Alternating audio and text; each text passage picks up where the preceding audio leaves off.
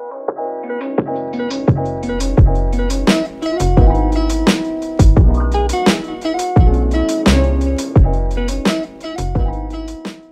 everyone, welcome back to Ayan Indonesia. Hi Ayan Citizen, how are you? So, hi, nama aku Aini. Uh, kembali lagi di podcast Ayan Indonesia episode kedua. Kali ini aku mengundang satu narasumber untuk ngobrolin tentang sesuatu temanya adalah What Hero Means to You. Jadi kebetulan ini kan November kemarin itu bertepatan dengan Hari Pahlawan, tanggal 10 November. Jadi kita hari ini akan ngebahas tentang what hero means to you. Aku ingin memperkenalkan sedikit mengenai narasumber kita hari ini, yaitu Tarin Pramesti. Jadi Tarin ini merupakan co-founder dari komunitas sosial namanya Dare Ambitions yang bertujuan untuk mengatasi kesetaraan pendidikan dengan memberdayakan pemuda dan anak-anak yang kurang mampu. Untuk Tarin, boleh memperkenalkan dirinya lebih lanjut? Oke, okay, halo semuanya.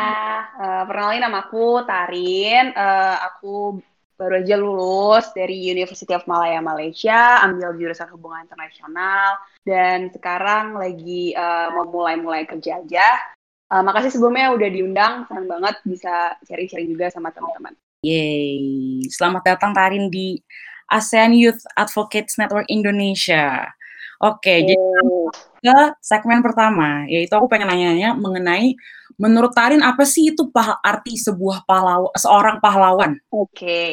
well, hmm. simple sih sebenarnya. Menurut aku pahlawan itu adalah orang yang mau mengorbankan dirinya. Tapi hmm. di Indonesia kita tuh selalu mengaitkan pahlawan dengan para pejuang bangsa ya nggak sih, para pejuang kemerdekaan. Yeah. Di mana kebanyakan dari mereka tuh sudah tiada, sudah meninggal. Baru setelah itu kita hmm. berikan title pahlawan atas perjuangan hmm. mereka, atas pengorbanan mereka. However, the truth is, menurut aku, pahlawan bukan untuk mereka yang sudah tiada saja, tetapi untuk setiap orang yang mau berkorban untuk kepentingan bersama. Gak hmm. segede-gede deh, nggak harus kepentingan negara. Menurut aku tuh uh, untuk kepentingan di lingkungan sekitar aja itu tuh udah jadi pahlawan bagi mereka yang mau berkorban. Makanya kan ada sebutan guru itu adalah pahlawan tanpa tanda jasa. Jadi Betul. basically pahlawan adalah seseorang yang mau korbanin diri. Hmm, oke. Okay. Terus karena tadi juga Karin udah ngomong kan kalau pahlawan itu bukan cuma orang yang apa di medan perang gitu ya kan. Uh, apa tapi pahlawan juga adalah seseorang yang apa ya menyumbangkan sedikit ilmunya untuk orang lain gitu kan. Nah, kalau Tarin sendiri nih, Tarin punya nggak sosok pahlawan di dalam hidup Tarin yang menjadi kayak, ih gila dia pahlawan banget untuk aku gitu? Ya, ya pastinya orang tua sih. Simpel banget aja, bisa makan, bisa minum juga orang tua berkorban mati-matian kerja. Biar kita bisa hidupnya lebih enak, biar uh, dinaikin derajatnya. Itu semua juga udah pengorbanan mereka kan, gitu. Jadi sebenarnya kita juga harus sadar bahwa apa sih yang mau disombongkan, apa sih yang mau uh, ditunjukkan itu kalau kita pun hidup karena bantuan orang tua kita. Gitu, gitu Oke. Okay. Terus habis itu, oh ya ngomong-ngomongin mengenai tadi kan pahlawan nih. Terus kan aku uh. uh, Tarin juga ini apa jadi co-founder Their Ambitions itu. Nah aku pengen tahu dong apa ya sedikit motivasi Tarin untuk membuat si Their Ambitions ini sebenarnya dari apa? Sebelum kita menggali lebih dalam di segmen yang kedua mengenai Their Ambitions ini tuh sebenarnya buat apa gitu. Ini intro-intronya aja. Oke okay, oke. Okay.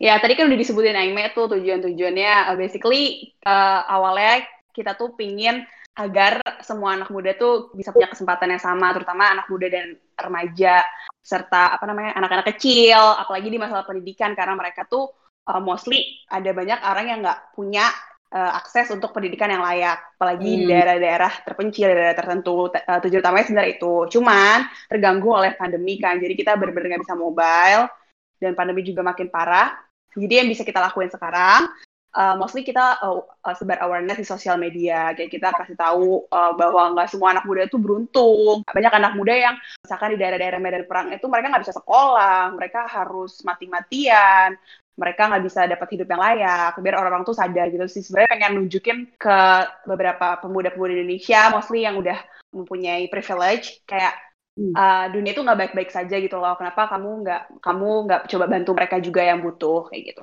Oh oke. Okay. Kalau boleh tahu nih dari Ambitions ini dibuat Tarin bersama teman-teman atau gimana? Uh, berdua sih sama Brenda, ada teman aku juga. Uh, oh. tujuan uh, gara-gara pandemik sebenarnya kita kayak concern uh, gimana ya kasihan tuh anak-anak kecil sekolah udah nggak bisa sekolah makin susah sekolah gitu kan akhirnya uh, project-project kita coba buat project-project kecil aja untuk donasi untuk uh, diberikan kepada uh, anak-anak kecil di sanggar-sanggar kayak gitu awalnya. Oh, oke. Okay. Terus selama pandemi ini berarti uh, agenda-agendanya masih terjalankan dong berarti ya? Iya, terjalan tapi lebih ke online ya. Balik lagi karena pandemi, aku juga nggak berani ambil. Karena volunteer tuh butuh orang ya. Butuh iya, orang, bener. abis itu kita uh, gather orang, abis itu kita uh, berdonasi ataupun kita bikin acara bareng anak-anak kecil, nyadarin mereka, hmm. kayak semangatin mereka. Uh, mostly kayak gitu kan tujuan kita dan anak kecil dan anak remaja dan pemuda. Cuman masalahnya karena pandemi, ya aku nggak mau ambil resiko juga. Jadi uh, sekarang hmm. fokus di sosial media dulu aja, kayak kita bikin konten-konten tentang pentingnya volunteer, habis itu tentang uh, konten terbaru kita juga ada pemuda di Maroko maaf pemuda di Western Sahara yang daerahnya tuh di occupied dijajah sama Maroko jadi mereka tuh bener-bener struggle banget untuk memperjuangkan uh, kemerdekaan dan memperjuangkan perdamaian gitu. Oke, okay. menarik banget sih ini. Mm -mm, jadi pengen apa sih ngasih awareness secara digital kayak, oh dunia nggak baik-baik aja kayak gitu. Banyak okay, mereka yang nggak beruntung. Oke, okay. berarti aku aku sekedar ini yang sekedar mensummary segmen kita yang pertama tadi kalau pahlawan itu bukan mm hanya orang yang uh, di medan perang dan juga dengan hal-hal kecil kita juga bisa terhitung sebagai pahlawan gitu kan. Oh. Mungkin bisa ikut jadi volunteer, misalnya kalian ada yang tertarik untuk jadi volunteer dari Ambition setelah pandemi ini selesai, mungkin tertarik bisa oh. kontak ya kan, Karin? Boleh banget. Nanti kita sama-sama yuk gerak. Oke, okay, betul banget. Aku juga jadi tertarik nih untuk kayak ya. ngulik gitu ya kan. Oke, okay, yang yang kedua nih, aku pengen nanya lagi, gimana sih menurut Tarin cara pemuda Indonesia atau cara uh, anak-anak seumuran kita lah untuk menjadi pahlawan di generasi ini? Well, uh, tadi aku udah balik lagi pahlawan tuh luas kan ya nggak cuma para pahlawan di zaman dulu. Banyak kok sekarang pahlawan-pahlawan muda kayak contoh nih aku sebut nama ada Melati, Melati Wijen, Oh ya benar. Uh, aktivis hmm. di Bali ya kan. Menurut aku dia pahlawan lingkungan Indonesia loh, pahlawan lingkungan Bali. Dia udah bisa bawa nama Indonesia ke internasional. Dia sempat diundang ke United Nations juga. Kebetulan pas aku magang di sana tapi nggak bisa ketemu dia. Ya. Iya, dia ke United Nations speech di situ bareng Greta kalau nggak salah. Cuman dia uh, di iya, forum kalau Greta emang lebih gede. Itu salah satu pahlawan muda, pahlawan lingkungan yang ngasih tahu nih ke generasi zaman dulu kalau perbuatan mereka uh, di bidang ekonomi itu merusak lingkungan dan dan sekarang itu platformnya luas ya kayak ada nggak cuman melalui uh, media koran atau melalui TV atau nggak cuma bisa demo, kita juga bisa melalui sosial media kita bisa speak up, kita bisa ngumpulin orang, kita bisa bikin petisi bareng-bareng gitu. Walaupun kadang useless juga, tapi ya setidaknya orang tuh sadar bahwa dunia ini ya nggak baik-baik aja. Nah, selain itu juga ada Faye Simanjuntak. Itu juga menurut aku pahlawan juga. Uh, dia salah satu pendiri rumah Faye dia pahlawan perdagangan manusia uh, menurut aku kayak gitu. Jadi uh, hmm. sebenarnya anak muda tuh punya banyak cara untuk jadi pahlawan. Tapi the problem is the current generation beberapa ada yang nggak peduli sama lingkungan sekitar dan hanya mencari nama ketenaran gitu sama uang. Sebenarnya yeah. caranya tuh simple. Yang penting tuh mulai dari diri sendiri dulu. Benar. dan mau berpikir kritis, mau peduli sama lingkungan gitu. Hmm. Dari hal itu kita akan sadar kan kita marah nih, apa sih yang bikin kita marah, apa sih yang bikin Aime marah, misalkan rasisme, misalkan uh, yang bikin mer uh, Aime marah uh, pembulian kayak gitu kan, atau body hmm. shaming, whatever, uh, itu tuh kita bisa speak up, kita berpikir kritis kalau ini tuh nggak benar kayak gitu dan kita mulai beraksi itu aja sih. Sebenarnya mulai dari diri sendiri dulu. Benar. Dan kita juga harus menggunakan sosial media menjadi platform yang setidaknya untuk menaikkan awareness lah. Bukan bisa, untuk teman-teman kita dulu nggak sih? Gitu nggak sih stepnya uh, uh, tahu woi dunia ini nggak baik-baik aja gitu kan. Nanti lama-lama ketemu circle ketemu circle lama-lama juga ketemu-ketemu dan kita sama-sama bisa gerak bareng gitu. Balik lagi ke gotong royong sama-sama gerak bareng untuk menyadarkan bahwa hmm. ya dunia nggak baik-baik aja dan beraksi sih sebenarnya yang paling penting aksi aksi rapin. Ya. Terus aku pengen nanya-nanya juga dong tentang uh, their ambitionsnya tadi. Uh, hmm. Jadi tuh uh, agendanya yang utama apa aja sih sebenarnya di their ambitions dan apa aja yang udah pernah dicapai oleh their ambitions untuk menaikkan awareness mengenai pendidikan anak-anak yang kurang beruntung ini? Iya, sebenarnya agenda-agenda awalnya sih kita pengennya itu tadi ngumpulin volunteer-volunteer, kita datang nih uh, kita sama-sama donasi dan donasinya tuh uh, kemarin tuh aku price-nya kan pakai project nih. Kita punya project namanya Bookies jadi tuh book cookies. Kita jualan cookies buat nanti hasilnya diberiin buku-buku sekolah ke anak-anak sanggar. Kemarin kita ke anak sanggar ke Basa ada di daerah Bekasi. Jadi kita hmm. ngumpulinnya juga nggak asal minta gitu. Nggak asal, woi don donasi dong. Enggak kita kayak yuk kita uh, berusaha bareng jualan yuk kayak gitu. Uh, jualan hmm. habis itu uh, bikin program. Sebenarnya basic basic kayak donasi biasa aja. Terus uh, bikin program ke Sanggar Kabasa. Habis itu kita berdonasi, bikin uh, nyanyi-nyanyi, biasalah program biasa nyemangatin mereka juga kayak ngelihat situasi mereka, habis itu mempublikasikan gimana sih situasi mereka kayak gitu. Terus ngebantu juga kalau misalkan mereka uh, butuh, jadi mereka tuh kayak butuh donor, uh, donor per bulan misalkan gitu, kita uh, kita uh, publikasikan juga gitu di sosial media biar siapa tahu ada orang yang tertarik, ada orang yang mau berdonasi bisa ke sana. Tadi awalnya tuh pengen kayak nanti kita cari lagi nih yang butuh apa kayak gitu kan. Cuman balik hmm. lagi karena pandemi, jadi agendanya sekarang lebih fokus di online. Kita kayak ada program uh, IG Live, habis itu ada program uh, kasih-kasih uh, awareness mengenai itu tadi pemuda-pemuda atau mengenai kegiatan volunteer-volunteer di IG Post gitu dan nanti mungkin collab-collab dengan beberapa komunitas lainnya untuk melaksanakan program secara online karena sebenarnya jujur sedih banget karena sebenarnya ini tuh benar-benar harus dilakuin secara langsung gitu loh. Benar-benar kita ajak orang kita datang-datang ke tempat-tempat yang butuh kayak gitu. Ke panti asuhan yang nggak terkena banyak di daerah-daerah yang sempit kayak gitu. Sebenarnya itu sih agenda awal ya. Oh, oke okay. menarik banget. Terus aku lihat um, di page IG page-nya Their Ambitions. Kalau nggak salah pernah diundang untuk ngomong di apa? ASEAN Youth. Oh, iya. Uh, itu sebenarnya uh, uh, acara aja sih kayak webinar gitu, kayak uh, acara-acara ASEAN pemuda-pemuda kumpulan pemuda-pemuda ASEAN. Hmm. Uh, pas itu sih sebenarnya kita boleh submit video gitu. Jadi kayak kita cerita aja tentang pengalaman kita kemarin ngadain project itu, terus abis itu gimana uh, reaksi-reaksi anak-anak di sana kayak gitu nggak diundang tapi kita boleh submit gitu. Jadi kita kebetulan nemu tuh ada ada invitation untuk submit jadi kita submit video dan kebetulan di publish kayak gitu. Dari oh. Indonesia juga ada sekitar tiga video kalau nggak salah. Dan itu tuh ada dari anak-anak muda lain juga. Menarik uh, ada dari anak Vietnam Filipina ya. dan sharingnya sebenarnya sama. Problemnya itu di edukasi. Sebenarnya yaitu edukasi di daerah Asia itu masih kurang kritis ya. Jadi kayak kita itu dikasih sesuatu untuk mengejar nilai padahal saat kita sudah berkuliah saat kita sudah ber, uh, dewasa kita sadar bahwa yang dibutuhkan bukan nilainya tapi gimana caranya kita bisa berpikir kritis bisa problem solving untuk menyelesaikan satu masalah kayak gitu sih dari uh, forum anak muda itu yang uh, hasil-hasilnya yang dibicarakan. Oke. Okay.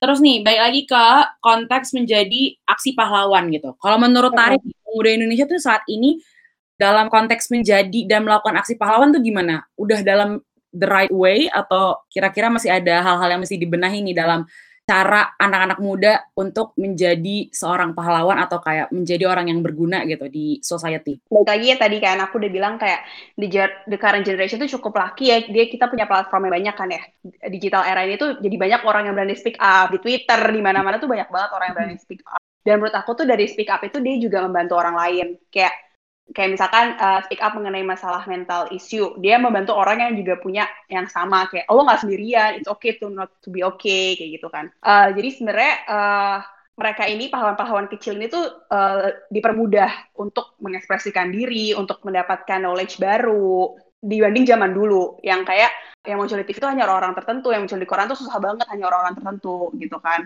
Terus anak-anak hmm. muda zaman sekarang tuh juga uh, jadi pahlawan-pahlawan juga kan bisa kayak beraksi, uh, demo gitu-gitu juga mereka berani kan mengas uh, mengekspresikan yeah. diri. Nah itu juga salah satu cara mereka dan which is aku salut banget bagi mereka yang berani-berani speak up, berani kayak panas-panasan untuk apa namanya yeah. demi kepentingan bersama, apalagi isu politik, isu lingkungan ini lagi gencar-gencar ya. Cuman masalahnya ada dua sisi ya, pasti ada plus minus beberapa hmm. anak muda tuh cuma ikut-ikutan aja beberapa ya nggak sih? Kayak untuk yeah, aja. Jadi mereka oh I want to look cool gue mau demo. Tapi mereka tuh nggak tahu permasalahannya apa. Jadi menurut hmm. aku aksi-aksi sekarang tuh udah bagus udah banyak platform. Mereka bisa speak bisa saling ngebantu. Banyak banget komunitas uh, di sosial media ataupun di mana pun bisa saling konseling satu sama lain. Jadi kayak mau nyemangati satu sama lain. Misalkan permasalahannya apa aja kayak gitu. Misalkan masalahnya lingkungan mereka punya concern yang sama, mereka beraksi bareng-bareng, menerapi bareng-bareng, dan bareng-bareng, kayak gitu kan. Hmm. Sebenarnya sekarang udah bagus, cuman yang lebih penting itu mungkin untuk beberapa anak muda yang lainnya itu ya kita ajari bahwa yang penting itu mereka ngerti uh, permasalahannya apa, nggak cuma ikut-ikutan dan mereka juga nerepin, nerepin kayak misalnya kalau masalah lingkungan, ya mereka nerapin nggak buang sampah sembarangan. Contoh hal kecilnya gitu aja sih. Kayak gitu sih. Menurut aku sih sudah anak muda sekarang udah keren-keren banget. Banyak banget orang-orang keren yang kayak berani tadi yang udah aku sebut sebutin kayak Faye itu keren banget. Kayak look yeah. up to juga ya untuk seorang yang tadi look up to gimana dia berani speak up, berani ambil resiko gitu untuk membela apa namanya orang-orang yang tidak mampu, orang-orang yang kurang privilege-nya Mm, Cuman benar. ya lebih bijak aja sih aku bilang jangan kebawa emosi. Kita kan kadang ikut-ikutan aja, ikut-ikutan marah. Iya. Coba tenang dulu, analisa dulu kenapa nih kayak gitu. Jangan jadi sok jadi pahlawan. Lebih banyak juga gitu ya. Sebelum ikut-ikutan tuh kayak mesti riset dulu ini tentang apa sih Mm-mm. Yang Apa lagi sih? Jadi kan oh, ini tentang apa sih gitu kan. so kita nih harapan masa depan ya. Jadi kayak kita harus lebih bijak juga dalam mengambil keputusan kayak gitu. Jangan apa sih? It's okay, bagus banget kita harus jadi idealis. Idealis banget anak muda tuh harus Hmm. idealis karena kita tuh uh, harapan masa depan. Jadi kita harus kritis, harus harus mengomentari kayak gitu, harus berani, jangan terima aja. Kalau terima aja ya jadinya lingkungan rusak. Misalkan kayak gitu. Benar. Kalau misalkan iya kayak gitu. Cuman ya itu jangan beberapa anak muda tuh aku yakin cuman kayak untuk posting aja. Nah itu yang aku sangat apa ya kecewa gitu loh. Iya, semoga Gitu dari platform-platform ini jadi mereka jadi banyak baca sih ya. Bukan hanya Oh. audio kan tapi harusnya dengan dia ikut-ikutan jadi ngerti oh ternyata tuh aku demo atau aku tuh ngepost ini tuh tentang ini ini ini gitu. Seenggaknya ada apa ya agak terbuka gitu ya isi kepalanya gitu. betul betul jadi nggak cuma ikut-ikutan aja itu sih Eh, jadi kayak nggak malu-maluin gitu kayak apa yang diomongin tuh berbobot kayak gitu jadi yang nggak harus baca kadang kita juga dari dengerin podcast dengerin YouTube pun banyak platform gitu aja sih sebenarnya eh, kelemahan orang pemuda Indonesia mungkin kadang kebawa emosi itu aja sih Oke. Oke, kita masuk ke segmen terakhir nih. Aku pengen nanya lagi tentang apa aja nih menurut Arin yang menjadi kendala bagi pemuda Indonesia untuk melakukan aksi kendalanya. Oke oke. Ada dua nih. Menurut aku ada kendala internal sama eksternal. Ya dari internal, basically musuh kita tuh diri kita sendiri kan. Jadi kendalanya itu takut nggak sih? Kayak nggak bisa ngalahin diri sendiri kayak gitu. Sama Hmm. yang kedua nggak bisa ngalahin ego kayak gitu. Jadi untuk jadi pahlawan kan balik lagi mau ngorbanin diri, mau ngorbanin waktu. Karena untuk menjadi pahlawan tuh mostly kan untuk menjadi seseorang yang mau berkorban untuk menyelamatkan isu-isu sosial misalkan kayak gitu kan. Banyak nih luas isu sosial lingkungan, eh, isu-isu edukasi, isu-isu mental health juga dan banyak lagi kan. Dan ada mungkin isu-isu broken home banyak banget gitu kan. Eh, isu-isu bunuh- mau bunuh diri apa pun itulah banyak banget dan orang yang jadi pahlawan kan orang yang ngebantu mereka biar eh, misalkan orang yang mau bunuh diri nggak jadi bunuh diri kayak gitu kan. Dia ngorbanin waktu kan. Sebenarnya yang jadi kendala buat mereka gak bisa melakukan aksi itu yaitu mereka takut. Biasanya tuh ya yang udah mau jadi pahlawan tuh mungkin mereka udah punya masalah itu sendiri ya nggak sih? Kayak misalkan Iya, uh, uh, dia punya masalah mental health. Dia punya masalah mental health abis itu dia berani speak up dan dia membantu orang lain. Kayak gitu sih contohnya kan. Nah Iya. pentingnya itu tuh gimana gimana kita mau jadi pahlawan buat orang lain kalau kita nggak bisa ngalahin rasa takut. Kita nggak jadi pahlawan buat diri kita sendiri dulu kayak gitu sih pentingnya itu kita harus bisa ngedalin rasa takut kita kalau kita punya amarah gitu punya amarah dengan rasisme ya kita beranikan diri untuk speak up kita akan beranikan diri untuk mencari circle yang baik yang mana agar kita sama-sama jalan melawan rasisme itu kayak gitu Jadi kayak- ya. berani ambil resiko kayak gitu kan. Yang ke Hmm. eh, dua eh, secara eksternal sebenarnya lingkungan. Kadang tuh kayak nih ada orang bawa tumbler, misalkan kita nongkrong terus ada orang bawa tumbler. Ya kan, Me? Kayak Iya. nongkrong lah kita ketemu terus ada orang tumbler terus hujat ngapain sih lo sok-sokan, sokan kayak gitu kan jatuh Hmm. mental ya. Padahal dia sudah mau beraksi kayak gitu. Nah, itu tuh sebenarnya dua internal eh, kendala internal dan eksternal tuh sangat berpengaruh. Jadi orang jadi nggak bisa jadi pahlawan, nggak bisa jadi beraksi, nggak bisa jadi ngebantu eh, permas- eh, menyelesaikan permasalahan sosial gitu. Kan karena memang dia pengen ah pengen ah bawa tumbler untuk kayak ya untuk mengurangi sampah plastik gitu misalnya. Tapi Mm-mm.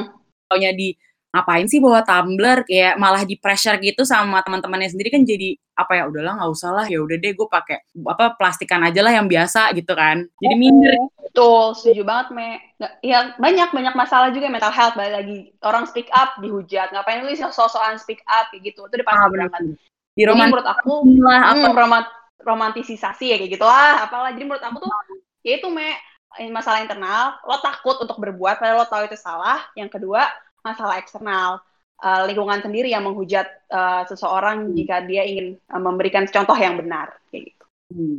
dan mungkin orang-orang juga kayak nggak terlalu nggak nggak nggak ngerti kali ya bahasanya karena mereka juga mungkin nggak merasakan apa yang orang lain rasakan apalagi yang mental health itu kan Iya, Jadi benar kayak- banget.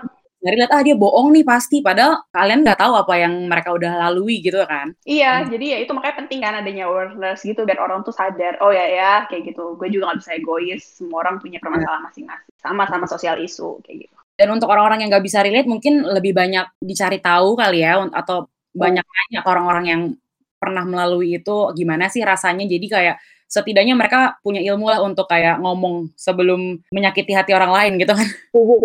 Banyak banget. Apalagi sekarang tuh sosial media ada plus minus. Tadi kan plusnya kayak untuk uh, konteks pahlawan ini ya orang bisa speak up, orang bisa nyebarin hmm. awareness, orang jadi ngebantu orang buat sadar, jadi sama-sama jadi pahlawan bisa jadi di pahlawan lingkungan apa pun isu-isu lain tapi yang negatifnya itu balik lagi kalau zaman dulu tetangga nyinyir sekarang dihujat sosial media sekali yeah. buat salah sekali buat beda pasti dihujat gitu. Tapi ya kalau lo tahu apa yang lo buat benar dan lo tahu itu juga untuk kebaikan bersama ya udah yeah. lanjut yeah. aja pede aja. Jadi ya itu kendalanya dua itu oke okay deh. Internal eksternal. Lingkungan dan uh, apa tadi? Oh dari dalam diri sendiri ya? Betul. Oke okay, pertanyaan terakhir. Motivasi apa menurut Tarin untuk pemuda Indonesia supaya menjadi dan bisa melakukan aksi kepahlawanan? Oke, apa ya? Aduh, aku malu nih kalau seru ngasih motivasi. Oke, oke. Eh, ini balik lagi ke percakapan yang sudah sebelumnya kita bahas, ini aja sih coba belajar peduli dari hal peduli kepada lingkungan sekitar kayak gitu. Biar kita tuh ah benar, biar kita tuh gak egois, belajar ngelihat permasalahan dunia. Karena hmm. kadang kita selalu menuntut tapi nggak mau berkorban lebih, itu aja sih. Selalu menuntut tapi nggak mau berkorban lebih, tolong di quotes itu ya. Tuh, menuntut. Ya itu benar, kita juga nuntut pemerintah mana nih, mana nih uh, mau duit, mau duit tapi kita nggak bahkan uh, ini di luar konteks ya kayak aku nonton hmm. YouTube aja orang yang udah sukses bilang ya kalau lo mau kaya ya kerja. Kayak gitu. Jadi kayak ya kalau lo mau hidupnya lingkungannya tenang lingkungannya nggak banjir ya lo juga mau dong nggak buang sampah sembarangan kayak yeah. gitu. Milah-milah sampah dari hal kecil hmm. aja. Ya pemerintah misalkan bisa melakukan sesuatu ya kita juga sebagai rakyat beraksi gitu. Nggak nuntut nggak nyalahin orang jadi konsepnya ngebantu pemerintah juga jangan cuma nyalahin oh, gitu. betul intinya gitu sih. Sama-sama bekerja lah gitu. Tapi ya itulah kita terbiasa menuntut kita nggak mau berkorban lebih ya itu.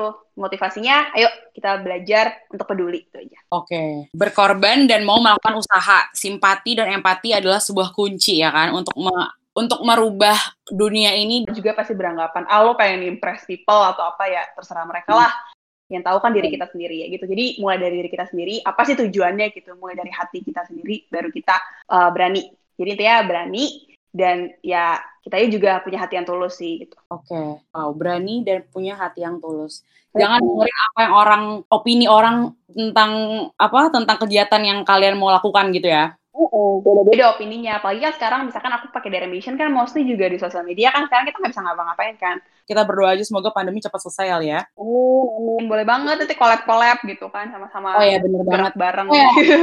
Untuk para pendengar mungkin yang tertarik apa bidang-bidang volunteer bisa dicek at their ambitions. Nanti mungkin di posan IG kita bisa ditaruh kali ya. Oke deh. Terima kasih Tarin untuk join di Ayan Indonesia hari ini dan udah ya memberikan opininya mengenai hero dan ya, ada ambitions dan personal opinion tentang kehidupan ini yang sebenarnya tidak baik-baik aja dan butuh perbaikan gitu dari anak-anak uh, generasi muda ya. Iya. Oke okay deh, thank you for Ayan Indo untuk para pendengar Ayan Indonesia. See you, bye. Bye.